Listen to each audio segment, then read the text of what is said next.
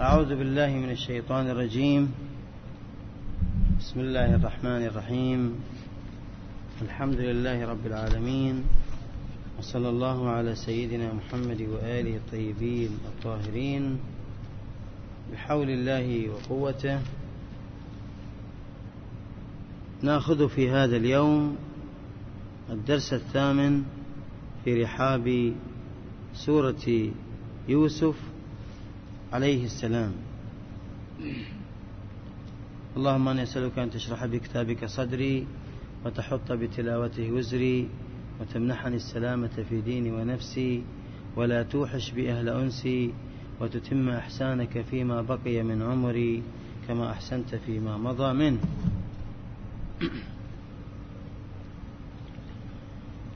أعوذ بالله من الشيطان الرجيم. بسم الله الرحمن الرحيم. قال لن أرسله معكم حتى تؤتوني موثقا من الله. لتاتنني به إلا أن يحاط بكم فلما آتوه موثقهم قال الله على ما نقول وكيل.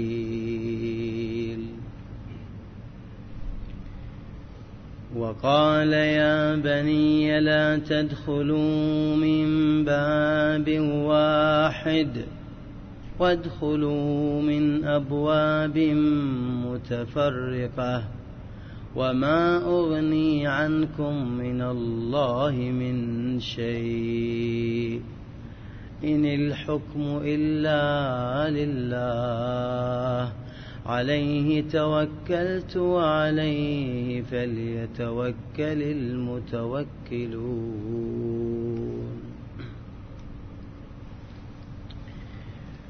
انتهينا إلى أن إخوة يوسف عليه السلام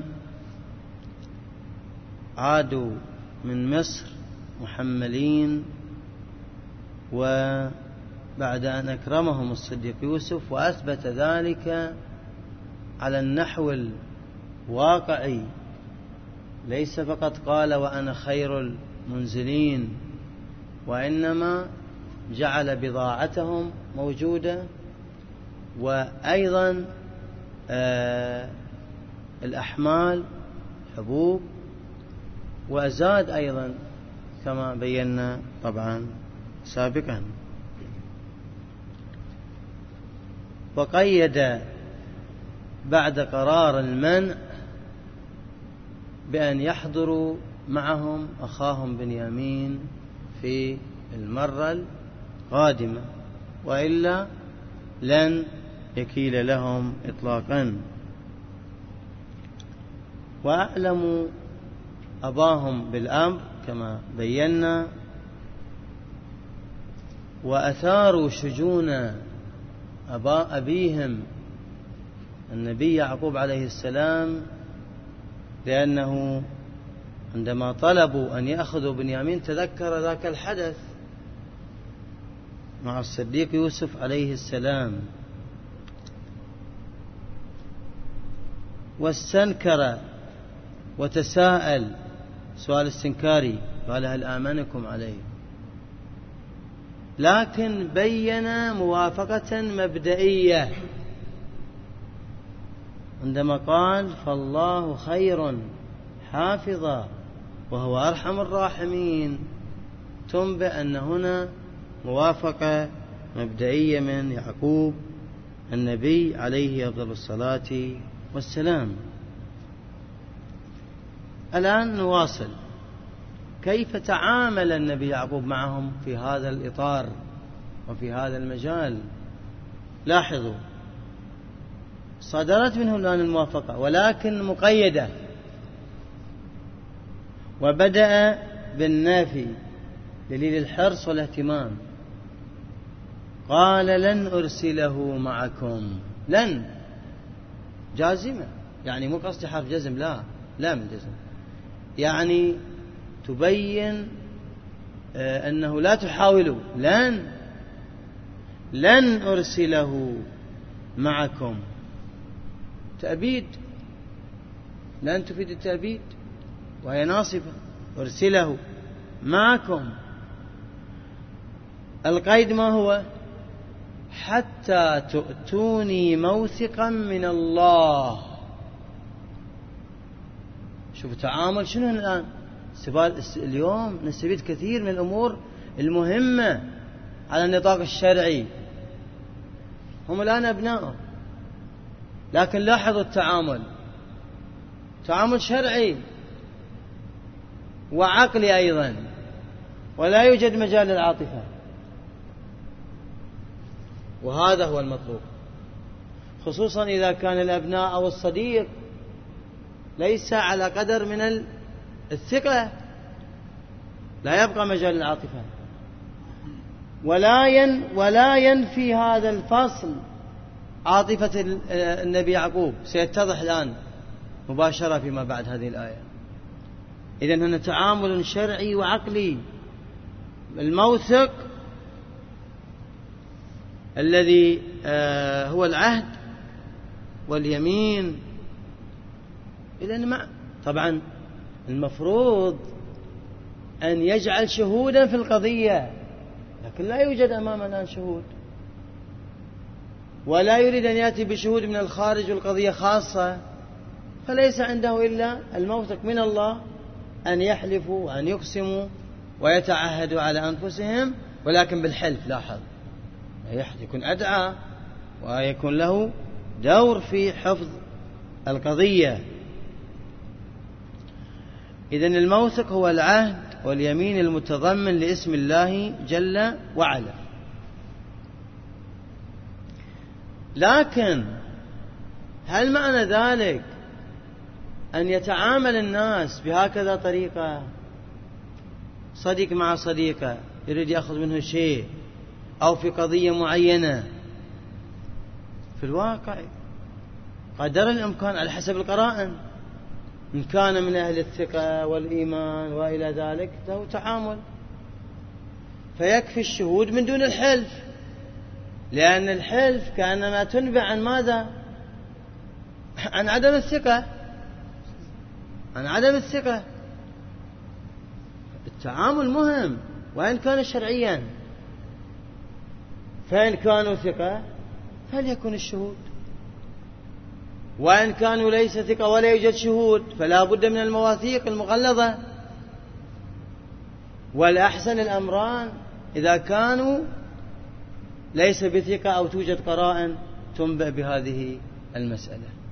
ولا الإنسان بعد ذلك يطالب بحقوقه ما عنده أي دليل يحتج به. فعلى هذا تأملوا في التعامل الشرعي والعقلي مع أنهم أبناؤه وهذا هو المطلوب. ثم أستفيد من الأنبياء جعل قيدا آخر ولكن لهم. ماذا قال؟ لتأتنني به. هذا المطلوب. إلا أن يحاط بكم. لا بد أن يقول النبي يعقوب هكذا. لأنه لو لم يقل وجعلها مطلقة لتأتونني به يعني ذلك أن, أن النبي يعقوب عليه السلام كانما يجهل التقديرات الإلهية استغفر الله أو لا يؤمن بها وأنهم قادرون على حفظه. وهذا ليس الأمر صحيحا. إذا لا بد أن يقول إلا أن يحاط بكم. يحاط بكم أن تحدث حوادث أو أقدار فوق طاقتكم واختياركم إلا أن يحاط بكم. لاحظ؟ ولهذا أيضا فيها رفق بهم. إذا أنتم حصل أمر بغير إرادتكم فأنا أعذركم قد أحد يتفق معك على أمر معين ويشهد عليك ويجعلها مطلقة. لا توافق.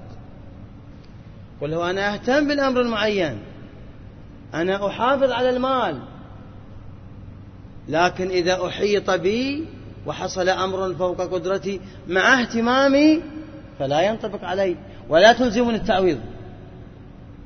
ما شوف شلون؟ هذا وعي. يصير.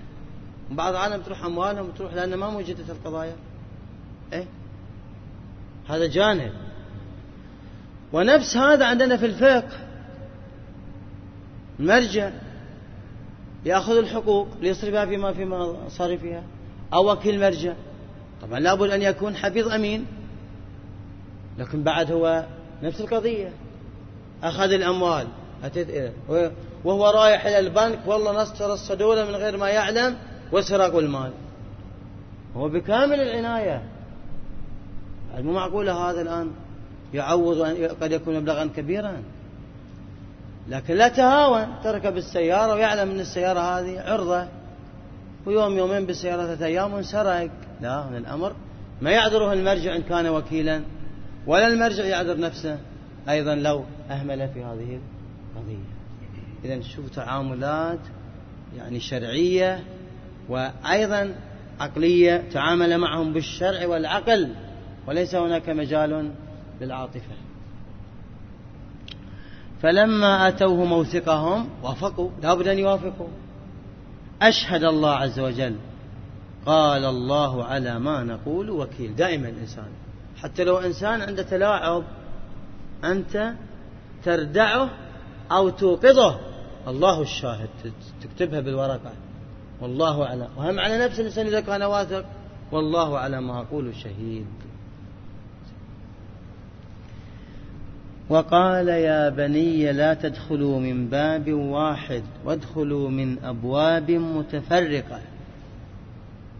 الله. الآن نقلة من العقل إلى القلب. انساب يعقوب عليه السلام عاطفة وبدأ يوصيهم. آه إذا أنت تحبنا. أنت تحبنا. وتعاملك السابق بما يفرضه عليك الشرع. لأن فعلا بعض الأبناء إذا الأب يقول لك ورقة يقول أبوي ما يحبني. إيه؟ ويتكلم أمام الناس. ربما. من أنه يعمل عليه ورقة لأن هذا الحق بعد حق للأب مو من نحو الواجب يعني عليه أن ينفق عليه مثلا. لا في فرد غير الواجب. والله أحد أبناء قال أريد أن أقترض منك لشراء سيارة. يا أبي. ولا يعمل ورقة أني أعطيتك هالمبلغ ما يزعل. بالعكس المفروض الابن يقول له ها الأبو يزعل إذا اكتب ورقة هذا شيء. آخر. تأملوا فهم فالآية هنا لاحظ متعلقة بالقلب والعاطفة. وأتت بعد أن تعامل بالشرع والعقل. والأصدقاء مع أصدقائهم. أكثر المشاكل لعدم وجود هالضابطة أكثر المشاكل بين الأصدقاء لا توجد ضابطة. كل العواطف في عواطف. لا. إذا ضعفت عمت بالعاطفة قد تنتهي العلاقة أصلا تصير المشاكل شوي يقوي نفس الإنسان. شعر وعقل. وأقول للصديق يلا أول نبدأ بالأمر الشرعي والأمر العقلي بعدين أنت تصرف كيفك بعاطفتك فلا تسبق العاطفة التعامل في القضايا التي مجالها الشرع والعقل قال يا بني يا بني واضح بعد نسبهم إليه بهذا التعبير العاطفي الجميل. لا تدخلوا من باب واحد وادخلوا من أبواب متفرقة. وما أغني عنكم من الله من شيء. إن الحكم إلا لله. عليه توكلت وعليه فليتوكل المتوكلون. هذه الوصية فيها آراء. لماذا قال لهم لا تدخلوا من باب واحد؟ من هذه الآراء حقيقة مهمة. مهمة يعني هذا الرأي واضح جميل. لكن قد لا يقتصر عليه. وفيه بعد وبعد نظر وهذا مما ينبغي عليه الإنسان. أن يلتفت إلى المقدمات التي تقع في الأخطاء. تارة أنا ألتفت لمقدمات وقوعي أنا في الخطأ. وتارة ألتفت لا للمقدمات عندي بعد أكثر التي قد يقع فيها الآخرون. وتارة أبعد ألاحظ الأجواء. هذا هذا حقيقة شيء عظيم. ولهذا في الروايات أن إخوة يوسف لهم قسط من الجمال. لكن مثل القمر يم الشمس. إيه صاير صدق يوسف مضيع جمالهم. الآن ما موجود آه، صدق يوسف فلهم جمال وأجسام ما شاء الله أيضا كما في وهم آه، آه، غرباء. يعني داخلين على مصر ويعرفونهم حتى من الشكل من الشكل والأرض وكذا لا أثر. فهم ملفتون للنظر فهذا جو 11 واحد داخلين بهالجمال والأجسام وما شاء الله. أليس هذا محرك للحسد عند ضعاف النفوس والعين؟ شوف شوف البعد ماله وين؟ فيقول له ادخلوا كل اثنين من باب كذا. لا تدخلوا حتى لا تكونوا ملفتين للنظر. هذا واحد. الأمر الآخر آه، أن النبي يعقوب عليه السلام بين دستورا آه، أيضا اجتماعيا بس هو تفسير ذوقي مثل ما يقولون. يعني عني به الأمر المعنوي.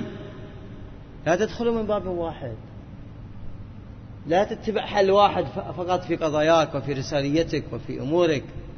ولا تيأس. فإذا أغلق أمامك باب فتوجه إلى باب آخر. اثنين. والأمر الثالث اللي عبر عنها حاجة في نفس يعقوب قضاها هنا عاد أمور أخرى. سأشير إليها بعد قليل. لأن النبي يعقوب لا ننسى أنه يملك العلم والعلم اللدني كالأنبياء. عليهم السلام. فيعقوب ألا يمكن أن يكون مخططا للقاء بنيامين مع الصديق يوسف؟ يبقى الأمر معقول. لأن هذه ثلاثة أمور. ولما دخلوا طلع من حيث أمرهم أبوهم. طبعا وأوصاهم بالتوكل لا ننسى. يعني يقول حرص على الأسباب وحرصكم لا بد فيه من تعلق قلوبكم إلى الله عز وجل. انتبهوا لا تتكي على الأسباب لوحدها. أعمل بالأسباب واتكي على الله سبحانه وتعالى وتوكل. وأكد على التوكل. وعليه فليتوكل المتوكلون. انطلقوا إلى مصر ودخلوا من حيث أمرهم أبوهم. لكن مثل ما قال وما أغني عنكم من الله إن الحكم إلا لله.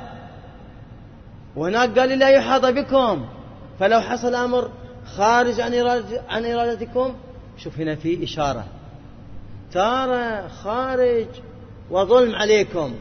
سرقة شيء وترى لا يمكن أن يؤخذ نفس اللي حصل. هذا يأكد الرأي الثالث الذي ذكرناه. صحيح ولا لا؟ ها؟ ومن هنا يهيئ للقضية. فلعل ما يحاط بكم يكون تخطيط وتدبير من الله عز وجل. هذه لغة الأنبياء والأئمة والزهراء والعارفون بالله عز وجل. يعني يقول لعل الله سبحانه وتعالى يدبر أمرا من الأمور يفتح به بابا من اللطف لبنيامين إلى يوسف عليه السلام. ولهذا ما كان يغني عنهم من الله من شيء بالفعل. ما حقق الحفظ. إلا حاجة في نفس يعقوب قضاها. الحاجة قالوا فيها كلام المفسرون كثير يقول الحاجة نفسها الاطمئنان. بهالوصايا وهالمواثيق الحاجة الاطمئنان الاطمئنان حاجة عظيمة الإنسان يريدها. هذا واحد. قال لا حاجة آه، يعني ليست معرفة ثم يقول شيء. طيب ما هو هذا الشيء؟ فليست معرفة الآن الحاجة. وعلى هذا الأساس هذا شبيه بالدعاء. اللهم نسألك بالزهراء وأبيها وبعلي وبنيها والسر المستودع فيها. بعض سأل ما هو السر؟ الله يحفظ فضيلة الشيخ الخطيب الكبير حبيب الهديبي سئل مرة عن منبر قال بعد سر سر سر. وهذا جواب. ونزل من إيه. طبعا ما يمنع ان هناك احتمالات. إيه. بس هو يريد الشيخ أو من يقول ولا يجيب يقول ما نقدر نجزم ما دام انه سر لكن العلماء يقولوا لا يكفينا نعرف الاحتمالات والاحتمالات كلها واردة بس يكفي. على الأقل معرفة. عديدة طبعا في السر بالنسبة للزهراء وذكرها آه، البعض في كتاب الأسرار الفاطمية مثلا وضع الاحتمالات. أبرزها العلم. قال العلم علم خاص عند الزهراء ما في شك أن علم الزهراء عظيم جدا وهي المحدث عنه. بعض قال لا السر الإمام الحجة. طبعا وأضاء طيبين. أنت إذا قلت السر حط الاحتمالات قدامك. جميل. علمها المعصومين آه، تعني بهم سلام الله عليهم. فعلى نحو الاحتمال لا يضر. لكن لا نجزم. وشوفوا التأكيد الآن. وإنه لذو علم لما علمناه. إذا يخفي أسرار الأنبياء الأئمة الزهراء. لكن لا يطلعون إلا في مورده. يا عمار تقتلك الفئة الباغية. وهكذا. هناك إذا أسرار. يا أبا ذر تعيش وحدك وتموت وحدك وتحشر يوم القيامة وحدك. خلي يطلعوا للربدة هي المشكلة. من النتيجة. مبشر من هناك من المصطفى صلى الله عليه وآله.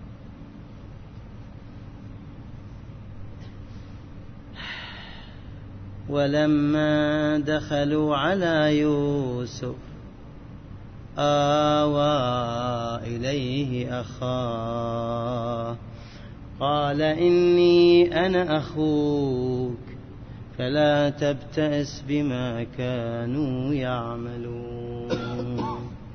فصل جميل فصل مشوق. فصل تأخذ العاطفة فيها. فيه حقها فصل يبين لقاء الحبيب بالمحبوب. آوى آوى تعبير فيه حنان. ليس كجاء فأووا إلى الكهف.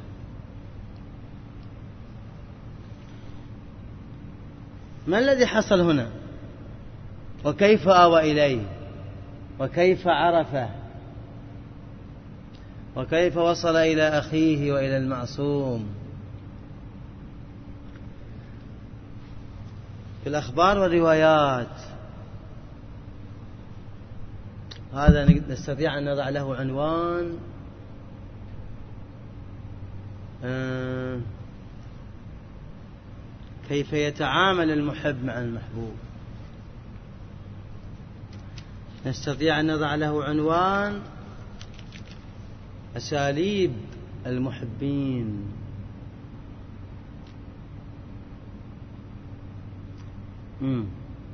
لاحظوا ماذا فعل الصديق يوسف؟ عندما أقبلوا رحب بهم وشكرهم لأنهم لبوا ما أراد وأحضروا بنيامين. هذه تحتاج إلى صبر والحب يحتاج إلى صبر. هم أخوته حتى هم أخوته. وهذا أخوه اللي من أمه. يعني كيف يقدر ما يضم إلى صدره؟ صبر. سنوات طويلة يراه ولا يستطيع أن يضم إلى صدره. لابد من الصبر.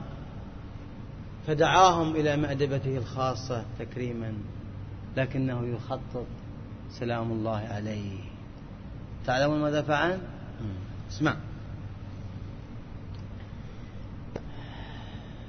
جعل كل طبق لاثنين. تعامل بالزوجية. رياضيات. هم 11 استخدم الرياضيات والعاطفة. فالزوجية كل اثنين راح يكون راح يبقى واحد. والعاطفة بنيامين مو من أمهم. وهذا بعد درس. اللي أبوه متزوج. ثنتين لا يركز على أخوه من أمه ويهد الثاني. لا بالعكس يحاول يبدي ظاهرا بذاك مع الأول لكن يحسسه. إذا قالوا كل اثنين ثلاثة لا يروحون اللي منهم في سيارة وذلك في سيارة. واضحة ذي يعني تعصبية. لا اختلطوا. احرصوا على مثل يعني الذي أو يعني وصفوا الآخرين يخالف فكل واحد أخذ الذي من أم له مثلا أو أكثر هم طبعا ما أدري كم وحدة وبقي بنيامين وحيدا فريدا لا ناصر له ولا مؤمن فحزن شوف العاطفة كيف يضرب؟ يضرب القلب أستاذ القلوب. فماذا فعل؟ قال لماذا أخاكم لوحده؟ لماذا أنت لوحدك؟ هذا قساوة فيها. قساوة من الصدق قساوة محب. قساوة محبوب. سوف تؤدي إلى نتائج كبيرة. فقال شوف أمام حجة قوية. قال إذا أنا أجعله معي. أنا أجعله ما يصير لوحده يصير كل واحد أنتو. ما حد يقول له تعال أنت ويانا أيها العزيز. فأنا نجح في الخطة الرهيبة وجلس عنده. وأنت لماذا لوحدك؟ فسمعه يأن أنينا خفيا ويتأوه وينادي باسم يوسف. وذاك الصديق يوسف يبي يسمع أخوه يقول اسمه. انتهت القضية جاءت قضية أقوى. هنا تتهيأ القلوب لهذا اللقاء. يمكن العالم وكلنا تابعنا سمير القنطار والأسرى. المجاهدين قعدنا يم الشاشات وبكينا الحقيقة. لحظات اللقاء. ولاحظنا الصديق يوسف هذا النبي وهذا بنيامين وسنوات أيضا طويلة قد تفوق على سنوات المجاهد سمير القنطار. المشهد القرآن ما عبر عنه كثير. يتركه لك. ولوجدانك لتعيش الصورة ولتعيش الحالة. أتعلمون ماذا فعل الصديق يوسف؟ جعل كل اثنين عن جاء وقت النوم مع بعض خلاها زوجي وظل بنيامين لوحده. قال وأنت ستظل لوحدك تعال معي إلى غرفتي.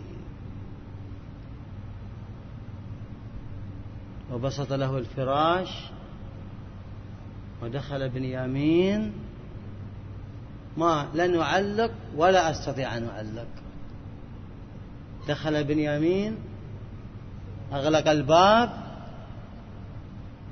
قال إني أنا أخوك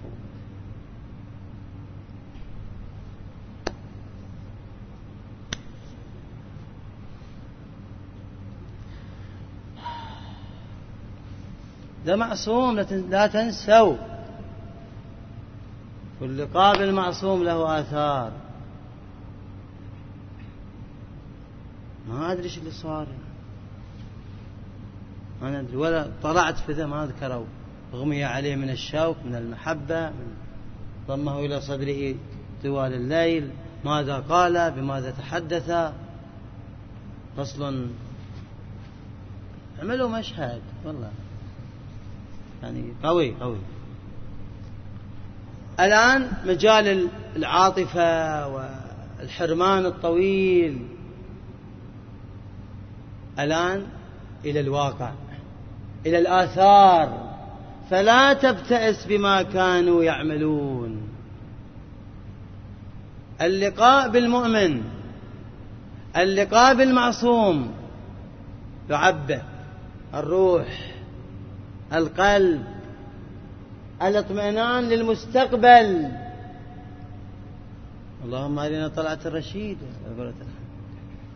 حتى لو يرى الإنسان المعصوم إذا وفقه الله في منامه من أعظم الآثار الصورة تبقى وتعطيه اطمئنان ربما إلى طوال الحياة كلها. بمجرد ما يستشعر الصورة وتلازمه خلاص. ولأن من آثار الحب العظيم ملازمة صورة المحبوب للمحب والعكس. وهذا من أعظم الآثار. فلا تبتئس بما كانوا يعملون. لعله اشتكى له. دائما يجلسون مع بعضهم وأنا لأن أمي مختلفة. أي. فيقول لا, لا عن اللي راح وعن الآتي فلا تبتئس بما كانوا يعملون. ثم بعد ذلك قال لا تريد أن تبقى معي. قال نعم ولكن لا يوافقون. قال وأنا وضعت خطة رهيبة لذلك. معصوم يخطط. أنا أتكلم جاد لا مازحا. الإمام الحجة إذا وطدت العلاقة معه بشكل كبير صحيح الله يخطط لك وبالمعصوم. يعني مو يجيك المعصوم انت بتشوفه لكن توفق بدعاء المعصوم سلام الله عليه في حياتك. وتتحرك مطمئنا مهما كانت الظروف كما هنا في فلما جهزهم بجهازهم جعل السقاية في رحل أخيه. ثم أذن مؤذن أيتها العير إنكم لسارقون. خلاص في اليوم الثاني ناموا كذا ما أدري ضيفهم الآن سيعطيهم بما أتوا إليه. وبسرية تامة. لا يأتي بإنسان غير موثوق. بعض غير موثوق. تعال يا صديقي أقول لك ولا تقول لحد إن شاء الله. ذاك واحد يعز حيل. صحيح؟ قال والله ما أقدر أقول لك بس أنت ثقة عندي ما تقول لحد كلها بس يومين. شو اللي حصل؟ مسكين ذاك. إيه. ليش تقول حق ذاك؟ بس مرة لا والنساء لا يزعلن مني إذا يصل صوتي. شوية أسرع. بسرية تامة. آه، تامة اتخذ شخصا موثوقا جدا وأوصى أن يضع آه، صاع صواع الملك صواع الملك في بنيامين. علمه وفعل ذلك واضح طبعا لا أفسر الآن بدأوا يريدون أن يتحركوا أذن مؤذن. المؤذن المنادي والأذان النداء. لكن أذن مؤذن يعني مثل الآن يعني مو واحد لا. أمام الجمع أمام الناس. أيتها العير؟ العير القافلة كفوا كفوا إنكم لسارقون. مباشرة. لأنهم فقدوا الصواع. والآن هذا القافلة عليهم الدور. إنكم لسارقون. وجوا لهم الخطاب. إنكم لسارقون. يوسف هو قال لهم قولوا هالشكل. هل صحيح أنهم سرقوا؟ المشكلة بعد؟ كيف الصديق يوسف عليه السلام يقول لهم يقول إنكم مسرقون وهم لم يسرقوا حقيقة؟ هو اللي وضع الصواع فهم لم يسرقوا والصديق لا يكذب. شلون نحل المعادلة إحنا الحين؟ شلون نحل المعادلة؟ إذا هناك أمر آخر. وهذا دليل على جواز التورية فيما هو حق. وعني به سرقتهم له من أبيه يعقوب. صح الأمر؟ فعلا. فيجوز التورية للمصلحة. مو يوري يكذب استغفر الله البعض قالوا وأقبلوا عليهم ماذا تفقدون؟ اندهشوا طبعا. وأحرجوا أمام الناس وتفاجأوا. قالوا شوفوا ها تعامل جميل. في بدايته تالله تالله من حروف القسم ليس الواو. أقسموا مباشرة لأن الموقف حرج وأمام آخرين. قالوا تالله لقد علمتم ما جئنا لنفسد في الأرض. فعلا فعلا صادقونهم في ذلك. بل يذكر صاحب المجمع أنه عندما دخلوا مصر ألجموا جمالهم. رفعوها كذا حتى لا لا تأخذ من زراعة مصر. فعلا ما كانوا مفسدين. وأنتم تعلمون بطريقتنا. داخلين لا جبين الجمال. ليش قالوا حتى ما تأخذ من زراعتكم؟ ما شاء الله. وما كنا سارقين. الآن يتصدى لهم الصديق يوسف مباشرة. قالوا فما جزاؤه إن كنتم كاذبين. تعلمون لماذا وجه السؤال لهم طبعا نفس يوسف لأن القانون المصري آنذاك اللي يسرق صواع الملك تعرف صواع الملك مو قضية تقول قيمتها الكثر خذوها؟ لا أنت متجني على الملك. لأنه مرتبط بالملك هذا الصواع له قيمة. فالعقاب أن يجلد وأن يسجن. صدق يوسف هنا؟ بذكائه وبعلمه. شوف الخطة؟ قال لهم إحنا قانوننا قوي. أنتم شنو جزاء اللي يسرق؟ بنعاملكم على قانونكم. على القانون عندك تعامل. ما أدري الآن إذا يأخذوه في القوانين الدولية ولا ما يأخذوه. نعم. قالوا جزاؤه من وجد في رحله فهو جزاؤه. أجابوا. قالوا أولا ما نأخذ كلنا. ما نأخذ كلنا. طبعا هم توجهوا إلى آه، بنيامين وعاتبوه على فكرة. وقالوا فضحتنا وفضحت أباك يعقوب. ولكنه متهيأ فلا تبتئس. فرد عليهم بكل ارتياح. قال الذي وضع الصواع هو الذي وضع المال في أمتعتكم. لكن لأنهم, منذهل لأنهم منذهلون لم يدققوا في كلامه. بعد قال وجزاه عندنا الأعمال الشاقة هناك يعمل. ويسلب الحرية يعني يصير زي العبد. هنا لقاها فرصة يصير يوسف حتى ياخذه. خلاص أنت تعمل في القصر. أنت تعمل في القصر. عملك في القصر. أنا القرار من عندي. وهم أيضا اطمأنوا أنه عند الملك فبدأ بأوعيتهم قبل وعاء أخيه ثم استخرجها من وعاء أخيه. هذا أيضا تعامل لطيف وجميل. لو مباشرة ذهب إلى رحل بنيامين قد يشك في القضية وأنها مخططة. لا بدأ بدأ بدأ إلى بالأخير. كبشوا بنيامين. ثم استخرجها من وعاء أخيه. آه لكن هذا الأمر تبين الآن ماذا؟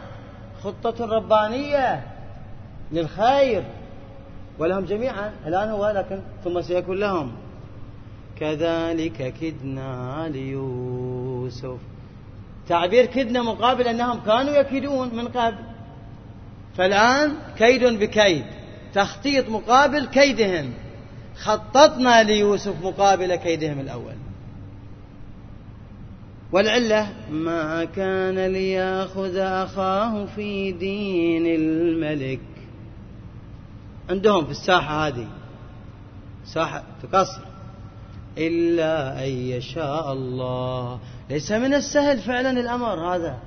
لولا تدبير وإشاءة الباري جل وعلا بحيث ما وقعت أخطاء. والهدف النهائي نرفع درجات من نشاء وفوق كل ذي علم عليم. الخطط والتدابير علينا أن نجتهد ولكن لا نقتصر على أنفسنا ونستقل بفكرنا. وأنا رأيي هو الصح. لا في المجتمع متخصصون فوق كل ذي علم عليم. ما تدخل بالمسائل الفقهية وهناك الفقيه ما تدخل بالعلم الفلاني وهناك المتخصص. هذه حقيقة تمنع الإنسان من الاستقلال والغرور ودليل على المرجعية الفكرية أيضا لكل إنسان مهما وصل إلى مقام معين. قالوا إن يسرق. والله ما ود نأتي بهذا الفصل لأن الآن شوي مع القلوب والمحبة شوي في ضربة الآن. هم عندهم قهر أنهم يعلموا بالواقع. قالوا إن يسرق فقد سرق أخ له من قبل. لا حول ولا قوة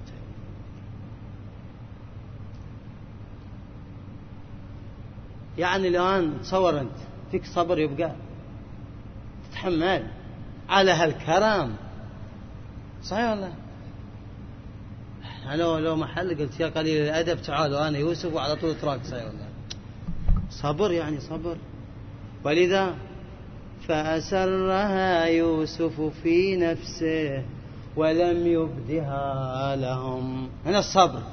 هنا كتمان الأسرار.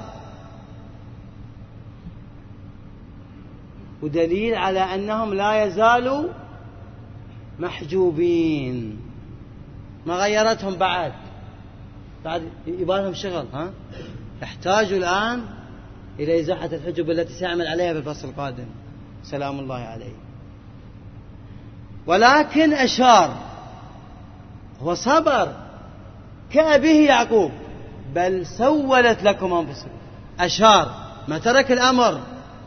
فلا صرح لأن التصريح يعني يعطل على القضية وعلى الخطة ولا السكوت صح أعطاهم إشارة خفية.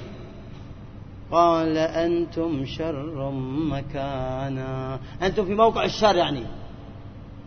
ونفس مثل هناك مثل هناك. والعبارة نفسها. ما قال أبوه أبوه. والله أعلم. والله أنا أقول الله المستعان.